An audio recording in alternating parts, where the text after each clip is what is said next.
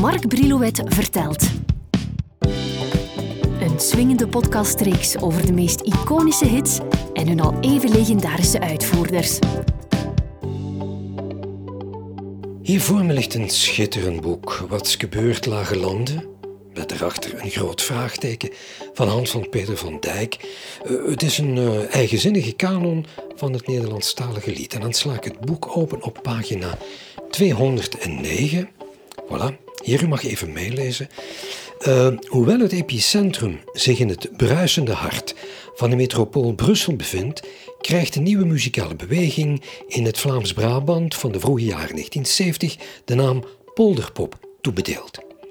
Met Johan Verminnen, Guido van Helmond, Chris de Bruyne, Raymond van het Groenewoud, Big Bill, Luc van Kessel en Erik van Eygen staat een generatie singer-songwriters op die zich tegen de regerende en in hun ogen te softe kleinkunst afzet.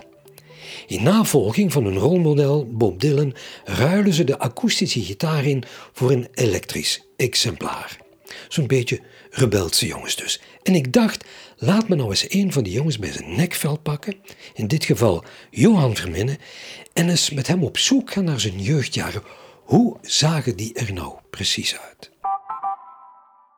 Johan, geboren in 1951 qua sterbeeld tweelingen. Een tweeling, eigenlijk de eerste dag van de tweelingen, op 22 mei. Dus nog een stukje, stukje stier daarbij ook nog. Hè. Ben je zo'n wispelturig mens? Want tweelingen... Ik ben een redelijk wispelturig mens. Dat wil zeggen, mijn humeuren die zijn van stralend humeur tot een rot humeur.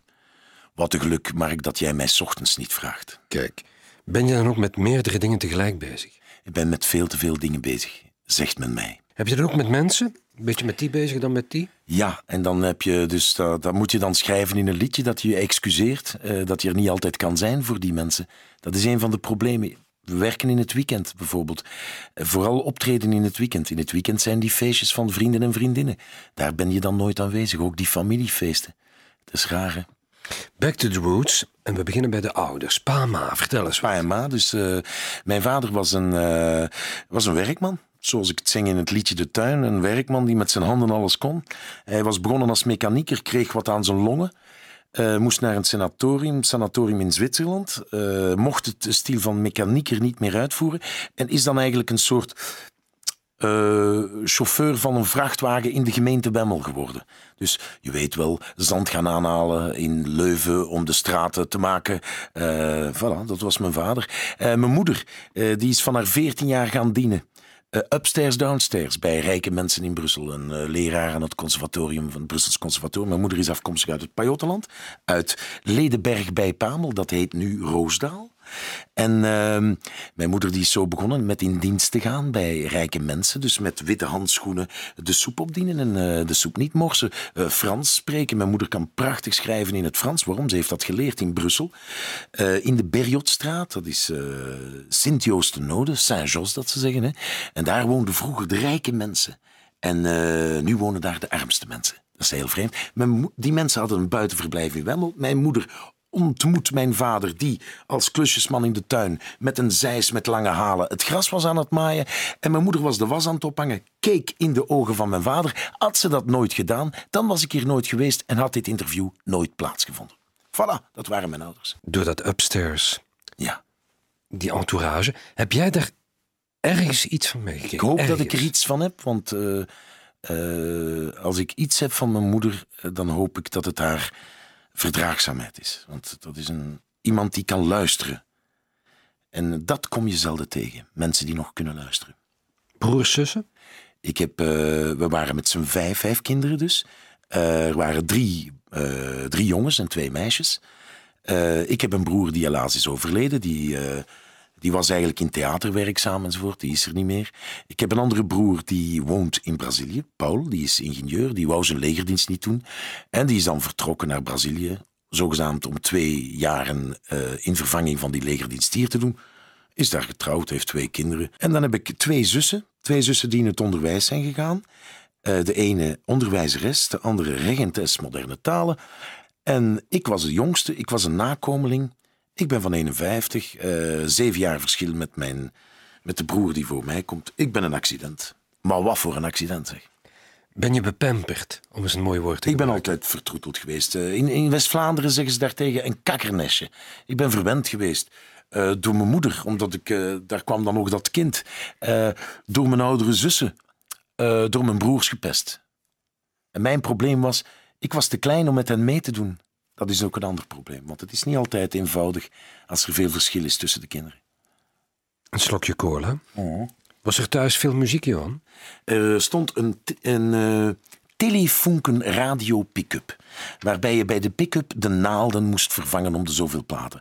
Mijn oudere broer, dus Bert, die er helaas niet meer is, die draaide dus Count Basie, Duke Ellington, maar ook het Franse chanson Georges Brassens, Jacques Brel, Léo Ferré, Claude Nougaro.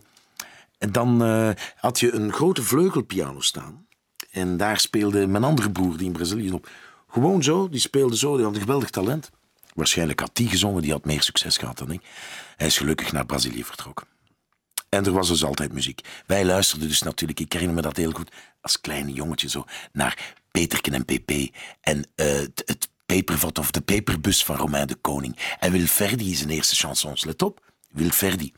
Men, men vergeet dat. Maar Wilferdi was een van de eerste echte chansonniers in dit land. Ik heb respect voor Wilferdi. Echt waar.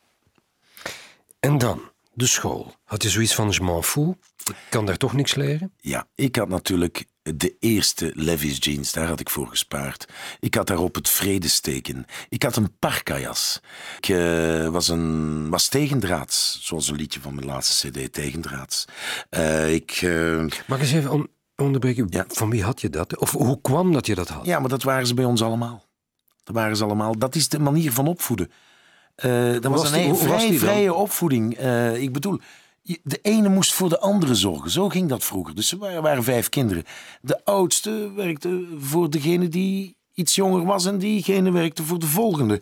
En dus je had een soort Maar dan denk ik- solidariteitsgevoel onder elkaar. En die ouders, ja, die, waren heel eenvoudig. En die, jij ging naar die scholen, die konden op de duur ook niet meer volgen wat je aan het studeren was. Dus je kreeg een grotere vrijheid. Maar eh, ik denk dat, de- dat mij dat goed gedaan heeft. Je, je leert meer zelfstandig zijn. Dat vond ik eigenlijk heel leuk. Terwijl je eigenlijk altijd wist dat je soep kon gaan eten thuis.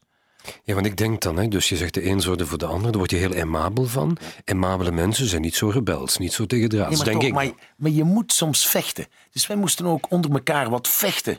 Om, om, om te zijn wie we waren. Want dat werd zomaar niet. De ene moest wel zorgen voor de andere. Maar, maar eh, dat verliep allemaal niet zo vlekkeloos. Dat was eh, geen kabbelende rivier. Dat waren eh, serieuze stormen.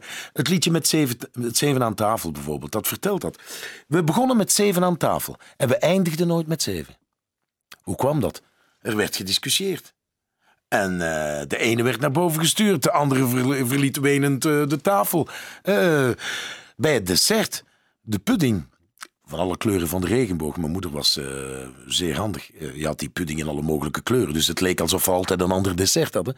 Dus bij dat dessert moest mijn moeder zorgen dat ze terugkwamen. Dat de straf voorbij was. Dat we terug met zeven konden eindigen. Dat kon ze goed, Ja, mijn moeder. mooi. En die school dan, wat, wat, wat zat je dan dwars? Ik ging naar die school. Dat was eh, in Jette, het Sint-Pieters College. Ik volgde Grieks-Latijnse. Griekse Latijn, dat ging eigenlijk vrij behoorlijk. Dat interesseerde mij.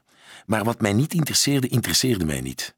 En daar ben ik dan ook slachtoffer van geworden. Ik was allesbehalve een briljant leerling. Ik ben moeten overzitten. Ik ben in de, in de poëzies. Dus eigenlijk heb ik de school verlaten om naar een toneelschool te gaan. Dus eh, om maar te zeggen, wat een turbulent leven. Hè. Ze waren mij daar eigenlijk liever kwijt dan rijk, moet ik eerlijk zeggen. Zaten daar bekende jongens bij? Heel klas? bekende jongens. Ik noem er een paar op. Erik van Eygen zat in mijn klas bijvoorbeeld. Ouder dan ik, maar belangrijk. En een belangrijk man geworden was bijvoorbeeld Jarry de Meulemeester, de directeur van de Ancien Belgique. Er zat bijvoorbeeld Johan de Haas, eh, literatuurspecialist eh, eh, van de radio hier. Die zat in mijn klas en dat was toen al een briljante jongen. Was je een, een, een schoolvoorbeeld niet, maar was je voor de jongens een voorbeeld? Nee, maar ze keken wel naar mij op, want ja, ik durfde veel. Hè. Deed je dat om Ik was een haantje de voorste. Als je geen haantje de voorste bent, Mark, dan kom je nooit op een podium. Maar deed je dat om op te vallen of was het je Je aard? zult eerlijk zeggen, dat is ook om op te vallen en dat is ook in je aard. Dus dat zit erin. Eh, dat exuberanten en dat, dat eh, pathetische ook. Dat zit een beetje in mij in. En, en ook eh, dat wilde, brasachtige. Ik ben dat nog niet kwijt, Mark. Gaf pa nooit een oorvijg en zijn ma niks jongen? Absoluut. Ik zeg je nog altijd, ik heb een bintekst. Die komt voor het liedje De Muzet. Weet je wat hij zegt? Mijn vader, zaliger en onzaliger gedachtenis. Ik voel nog zijn rechterhand op mijn linkerkaak. En het ergste is, het heeft niet geholpen.